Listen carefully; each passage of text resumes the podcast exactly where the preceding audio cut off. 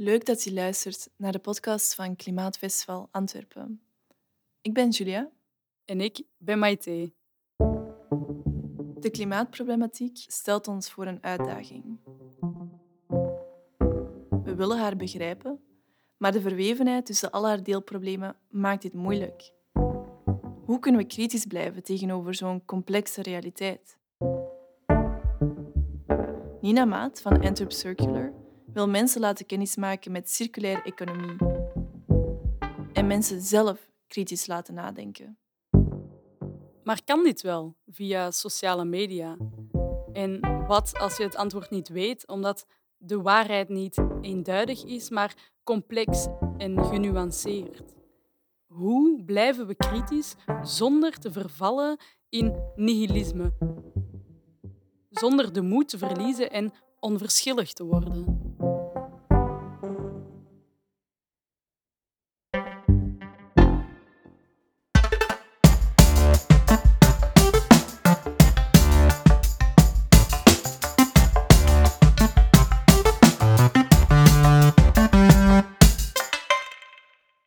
Ik ben Nina. Ik ben 23 jaar.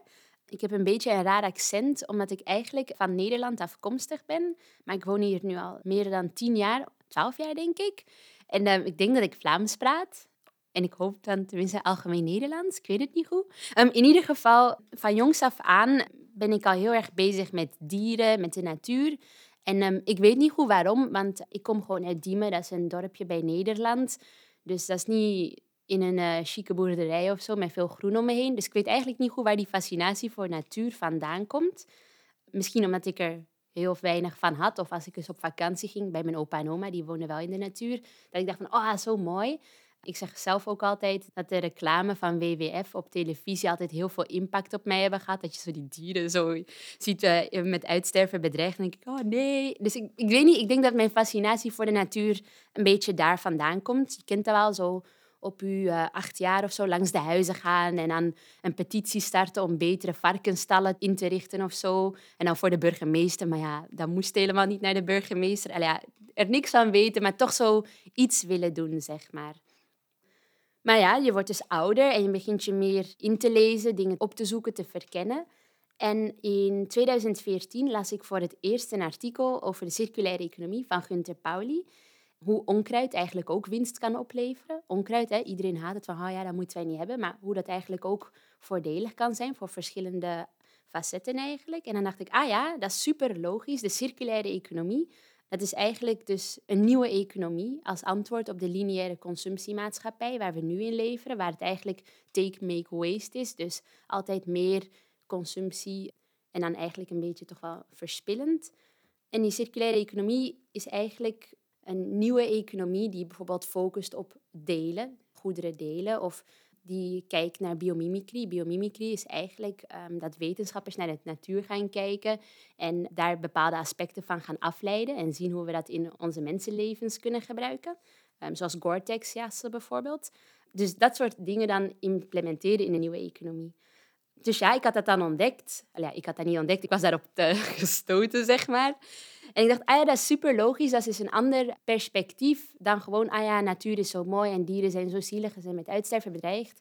Want je moet, ah om iedereen mee te krijgen, heb je wel natuurlijk een, een rationeler verhaal nodig. En ik dacht, ah ja, dat is het voor mij. Dus dan dacht ik van, ah ja, hoe kan ik hier een actor in zijn in die circulaire economie? Ja, dat was zo rond de middelbare school. En iedereen zei van, ah, moet jij niet iets met mode doen? Want je, je hebt altijd leuke kleren aan. En ik dacht van, ah ja, mode is wel tof, maar dat is voor mij op dit moment niet het allerbelangrijkste in de wereld. Maar ik dacht wel van, ja, misschien kan ik wel iets met mijn sterkte doen, zeg maar. Dus dan dacht ik, oké, die circulaire economie is eigenlijk perfect om... Ja, die kun, de circulaire economie kun je koppelen aan mode en andersom. Dus mode is eigenlijk een heel mooi iets om een verhaal mee te vertellen. En dus ook dat van de circulaire economie.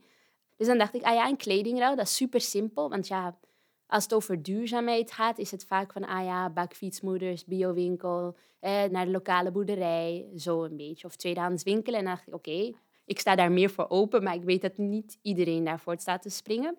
Dus dan dacht ik, oké, mode, circulaire economie, hoe kan ik daar mijn ding van maken? Dus dan dacht ik, een kledingruil. Maar ja, als ik een kledingruil organiseer, is dat niet zo van bij mij in de garage met mijn vriendinnen en familie. Ik wil dat dat serieus genomen wordt, want ik wil graag impact hebben. Dus dan had ik het modemuseum aangeschreven. En ik vroeg, ah, hey, mag ik een kledingruil organiseren? En hij zei, ah ja, is goed. Allee, zo simpel. Allee, dat was wel, eigenlijk was het wel zo simpel. Mensen zijn vaak verbaasd over hoe simpel iets kan zijn. En ik denk dat het daarom is dat mensen vaak verbaasd zijn. Je kunt gewoon beginnen met iets te vragen. Wat ik dan zo zalig vind, is dat je dat nu tegenwoordig rustig van achter je computer kan doen. En als het dan een nee is, dan maakt het niet uit, want je hebt dat toch maar een nee via je computer gekregen. Niet in het echt, dat je zo, ah, ik weet niet hoe te reageren, gênant, ah, help. Maar bon, dat mocht dus. En ik dacht, ah ja, kijk tof, eerste kledingruil in het modemuseum was een feit. Dat was een succes, er kwamen veel mensen. Maar voor mijn gevoel draaide toch meer om de hipheid van het event, zoals van die coole openings in van die winkelstraat, van nieuwe winkels of museumgalerijen. Ik vond dat wel tof, maar ik, ik had toch nood aan een beetje meer, zeg maar. Dus zo is het een beetje uitgebreid. Het tweede event was dan op het dakterras van het MUCA. En ik nodigde wat duurzame ondernemers uit, zoals Glims, zoals Kruid enzovoort. Dat zijn mensen die op hun manier toch in het verhaal van de ecologie hun ding proberen doen. Dus dat vind ik altijd kei tof. Iedereen die zijn eigen ding probeert te doen. Ja, en zo is dat gegroeid. Kei tof. En ondertussen, doorheen dat proces, heb ik moeten loslaten dat ook al komen misschien meisjes alleen om kleding te ruilen, dat dat misschien niet het allerbelangrijkste is. Ik vond dat zelf altijd heel erg. Als, als van die poppenmiekes alleen afkomen van, ah ja, hebben jullie ook, hebben jullie ook duurdere merken? Of hè, zo. En dat vond ik altijd heel erg. Maar ik heb ondertussen ook geleerd dat het al goed is als mensen meedoen. En ik denk dat het ook wel heel interessant is dat je ook zo die sociale insteek hebt. Want heel veel mensen kwamen dan naar die events van, ah ja, ik heb hier Dries van Noten, maar ik vind niks van andere dure merken. Hoe komt dat? En dan denk ik van, ah, denk dan toch na. Iedereen, het is toch normaal dat niet iedereen dat soort kleding kan betalen? Of wanneer geef je je kleding af? Is dan omdat het van Dries van Noten is? Allee, ik zou denken, dat is duur. Je koopt dat, dat is een investering en je, na een aantal jaar geef je het terug af. Terwijl als ik dan zoiets zou vinden op een kledingnaal, zou ik echt een gat in de hemel springen. Of misschien iemand die iets van Chanel binnenbrengt, terwijl het echt super lelijk is. Dat je dan denkt van, oef, is dit nog zoveel waard? Er zitten al gaten in. Dus dat vind ik ook, dat is het belangrijke aan die circulaire economie. Wat is iets waard voor u? Is het te veel waard omdat het van een, van een duur merk is? Is het trendgevoelig? Is het normaal dat iedereen hetzelfde kan kopen? Dat zijn zo aspecten die ik graag aan de mensen mee wil geven. En dat is super moeilijk. Ehm, dus daar probeer ik wel altijd verbeteringen te zoeken tijdens mijn events. Dus ja, dat was allemaal heel tof. Maar ondertussen dacht ik ook van, ha, ik, ik mis toch iets. Want ja, naast mijn studie, ik heb dan gekozen om een bachelor in politieke wetenschappen te doen. Want ik dacht, ja, ik moet iets van de wereld kennen. Hè. Als je iets wil veranderen, moet je weten hoe de wereld ineen zit. Maar ook vooral, ik wou eigenlijk al direct iets met milieu doen. Maar dat zagen mijn ouders niet zitten, omdat ze bang waren dat ik een te grote milieuactivist zou worden. Die zo bloot op de Arctic Sunrise van Greenpeace zou zitten of zo. Dus hun dachten echt van, ha, Nina, met milieu kun je niks verdienen. Doe maar gewoon iets normaal in de economie. Zie maar dat je een bedrijfsauto hebt laten en dan ben je gelukkig. Dus um, dan dacht ik, ah wel, ik zou politieke wetenschappen doen als bachelor en dan als master milieuwetenschappen. Dus dat was ook allemaal heel interessant. Maar toch miste ik zo nog iets. Dus ik heb dan in 2016 een VZW opgestart, uh, Circular. En met Entrep Circular was mijn doel voornamelijk om mensen kennis te maken met deze circulaire economie. En hoe milieu- en klimaatvraagstukken soms wit, soms zwart en soms grijs zijn. Ik probeer daar alleen mijn perspectief op te geven, maar ik vind het vooral belangrijk dat ik met mijn VZW mensen wel uitnodig om zelf kritisch na te denken. En dan ben ik ook vrijwillig stages gaan doen, omdat ja, dat zat niet inbegrepen bij mijn lessenpakket. En ik dacht wel van ja, zo meteen ben je dan afgestudeerd en ja, je hebt dan je diploma, maar wat is dat eigenlijk waard? Dus ik heb altijd stages en studentenjobjes geprobeerd te zoeken die een beetje aansluiten bij mijn interesse. Dus ik heb dan bijvoorbeeld een studentenjob gehad op het departement omgeving bij energie, klimaat en groene economie. Dat was heel interessant. Ik heb uh, vrijwillig ook stage gelopen bij OVAM, de Openbare Vlaamse Afvalstoffenmaatschappij. Ook bij Bond Beter Leefmilieu, dan weer een non-profit, weer iets helemaal anders. En dat is super interessant. En dan dacht ik van, oh, ik zou nu eigenlijk ook op het kabinet stage willen lopen. Want je hoort wel in de wandelgangen wel, die zegt dat, die zegt dat. In de kranten zie je, ja, dat zit zo in elkaar, dat zit zo in elkaar. En dacht, nou, dan moet ik eigenlijk nog eens op een kabinetstage hebben gelopen. Dus dat ik toch wel een, beter overzicht heb van hoe het allemaal ineen zit. Ja, dus dat was mijn verhaal eigenlijk. Ik ben nu iets minder actief ja, bezig met die events, omdat ik dus in mijn laatste jaar van mijn master zat. Maar ook omdat ik het zelf spannend vind of ja, ik weet het niet. Ik heb daar niet echt een woord voor, maar dus bij die events komt ook social media kijken om het te promoten. Ik was daar eerst een beetje tegen. Ik was nog niet zo actief op social media. Uiteindelijk ben ik dat dan wel gaan doen en dat was duidelijk een succes. Maar na een tijdje is dat ook wel... Je hebt er zo geen stop meer op, op die social media. En dan begin je zo rond te kijken en dan zie je ook nog andere ja, influencers, zal ik maar even zeggen. Ik zie mijzelf nu niet als een influencer, maar om het woord te geven. En iedereen, heeft zo, iedereen zit dingen te promoten voor een ecologische lifestyle. En dan voelde ik me een beetje ongemakkelijk bij. Van ja, je moet, je moet een uh, tandenborstel van bamboe kopen om ecologisch te zijn. En enerzijds, hè, voor mij is het makkelijk. Ik heb het goed, dus ik kan dat doen. Maar toch vond ik het zo simpel, is het allemaal niet altijd. Um, en ook vaak zijn zo'n vragen rond ecologie moeilijk te nuanceren in een paar stories of zo. Dus dan dacht ik, goh, wil ik daaraan meedoen? Allee, wie, wie ben ik eigenlijk? Dus dan heb ik me toch wel wat afzijdig proberen houden. En ja, ook doorheen heel het proces van uh, stages lopen, eigen VZW opzetten, studeren, merk je ook wel van binnen milieu- en klimaatvraagstukken hoeveel kan je zelf doen en hoeveel hangt af van grote industrieën, zal ik maar zeggen. Dat vind ik altijd een hele moeilijke. Ik was laatst op een date en hij zei van ja, alle grote fabrieken en industrieën die moeten eigenlijk omvergeworpen worden voor nieuwe industrieën. Dan denk ik van ja, enerzijds ja, maar anderzijds zo gemakkelijk is het allemaal niet, want we gebruiken allemaal wel plastic, zal ik maar zeggen. Dus om daar nu zo simpel over te zeggen, ja, alle plastic is slecht. Bijvoorbeeld die organisatie Mij Plastic Vrij, ken goed natuurlijk, maar vaak zijn de verhalen die ze meedelen, ook ongenuanceerd. Want soms is plastic nu eenmaal al goed. Plastic is eigenlijk uitgevonden als een milieuoplossing. Dus om dan... Ja, mensen leren ook heel simpel via social media. Dus om dan te zeggen, ja, plastic is slecht...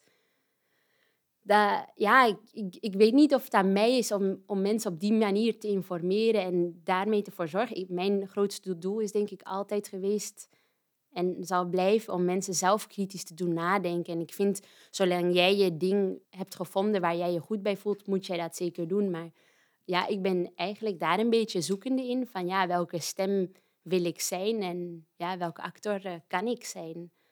Dus ik had dan versteld dat ik me wat afzijdig heb gehouden, bijvoorbeeld op social media en ook mijn activiteit met Interrupt Circular, omdat ik het zo eng, alleen niet eng vind in die betekenis van het woord, om mensen te beïnvloeden, zeg maar. Omdat ik vind dat mensen die keuzes zelf moeten maken waar zij in vinden wat zij moeten doen voor ons milieu. Ik snap heel goed dat de gewone... Mijn mama is een poetsvrouw, mijn papa werkt als technicien. Ik snap wel dat het hun niet, niet zot veel kan schelen. Dat snap ik even goed. Maar ik ben enerzijds ook wel bang van... Ja, iedereen zou het moeten kunnen schelen. Ja, het, het scheelt ze wel, maar ze zijn er niet actief mee bezig. Op zoek naar die waarheid. Dus dat vind ik enerzijds ook wel eng. Maar dan moet ik ook weer denken aan die jongen die zo zei van ja, hè, grote industrieën zoals Ineos, die moeten gewoon omver worden geblazen. Maar ik ben ook bang, als je ervan uitgaat, wat ook een argument is dat ik veel hoor, ja, de overheid zou dat allemaal moeten regelen. Oftewel, ja, bedrijven moeten dat allemaal regelen, dat in orde is. Maar dan denk ik ook, dan geven wij enerzijds wel toe dat ja, hun in alles de baas zijn. Hè? Dat wij één keer gaan stemmen in de zoveel jaar en dan is het allemaal genoeg. Hè? Dat het dan allemaal wel in orde is. Maar dan denk ik, je moet toch kritisch blijven. Dat vind ik een hele moeilijke wisselwerking van, oké, je moet kritisch blijven en het zou ook gewoon eens in orde moeten zijn. Dus um, ja. Maar wat ik wel ook eng vind, is bijvoorbeeld nu door de coronacrisis, wordt nogmaals duidelijk. Ik vind het zo grappig hoe wij mensen altijd reageren op bepaalde zaken. Zoals nu. Voor mij is het wel vrij duidelijk. De coronacrisis is een gevolg voor mij op de kapitalistische samenleving waarin we leven nu eigenlijk. En ik vind het woord kapitalistisch altijd moeilijk te gebruiken. Ik heb het idee dat als je het woord kapitalistisch gebruikt, dat je al snel wordt afgeschilderd als communist, zal ik maar zeggen. Gewoon omdat je daar geen voorstander van bent. Maar ik denk dat we ons allemaal wel moeten klaarmaken. En misschien daarom dat ik nu ook zo in een doezelfase ben of zo. Dat we ons allemaal moeten klaarmaken dat zo'n pandemie nog eens gaat komen. Zolang we hetzelfde systeem blijven hanteren van, ah ja, alles is gebaseerd op groei en meer en beter. En ja, we hebben bijvoorbeeld echt wel biodiversiteit nodig om pandemieën te kunnen voorkomen eigenlijk, dat zo'n uitbraken zich voortdoen. En op de manier dat wij bijvoorbeeld nu bossen aan het kappen zijn, is die kans uh, heel klein. Ja, dus dat maakt mij eigenlijk bang. En misschien daarom ook... Vroeger reageerde ik uit, uh, als ik bang was van, ha, ik moet iets doen. Hè? Zo is Interrupt Circular ontstaan. Maar nu is het van een beetje van, wow, misschien moet ik dan toch maar de rest van de bevolking uh, volgen in de zin van, ah ja, toch maar gewoon je ding doen en genieten zolang het nog maar kan, zeg maar. Maar wel binnen dan toch een duurzaam kader in de zin van een, een jobje vinden dat toch wel bijdraagt aan een betere maatschappij. Maar anderzijds, ja, ik vind het heel moeilijk. Ik vind het zo jammer. Ik kan, ik kan niet echt een goed antwoord daarop uh, bieden eigenlijk.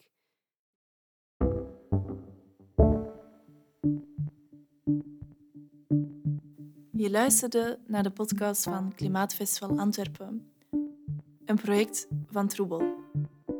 Bedankt om te luisteren. Meer informatie over Klimaatfestival Antwerpen vind je op www.klimaatfestivalantwerpen.be. Deze podcast is opgenomen in muziekstudio De Kiem. Productie, muziek en opname door Kaat Schilds. Beeld door designstudio Catapult. Dank aan 1111 en de burgerbegroting van het district Antwerpen om deze podcast mee mogelijk te maken.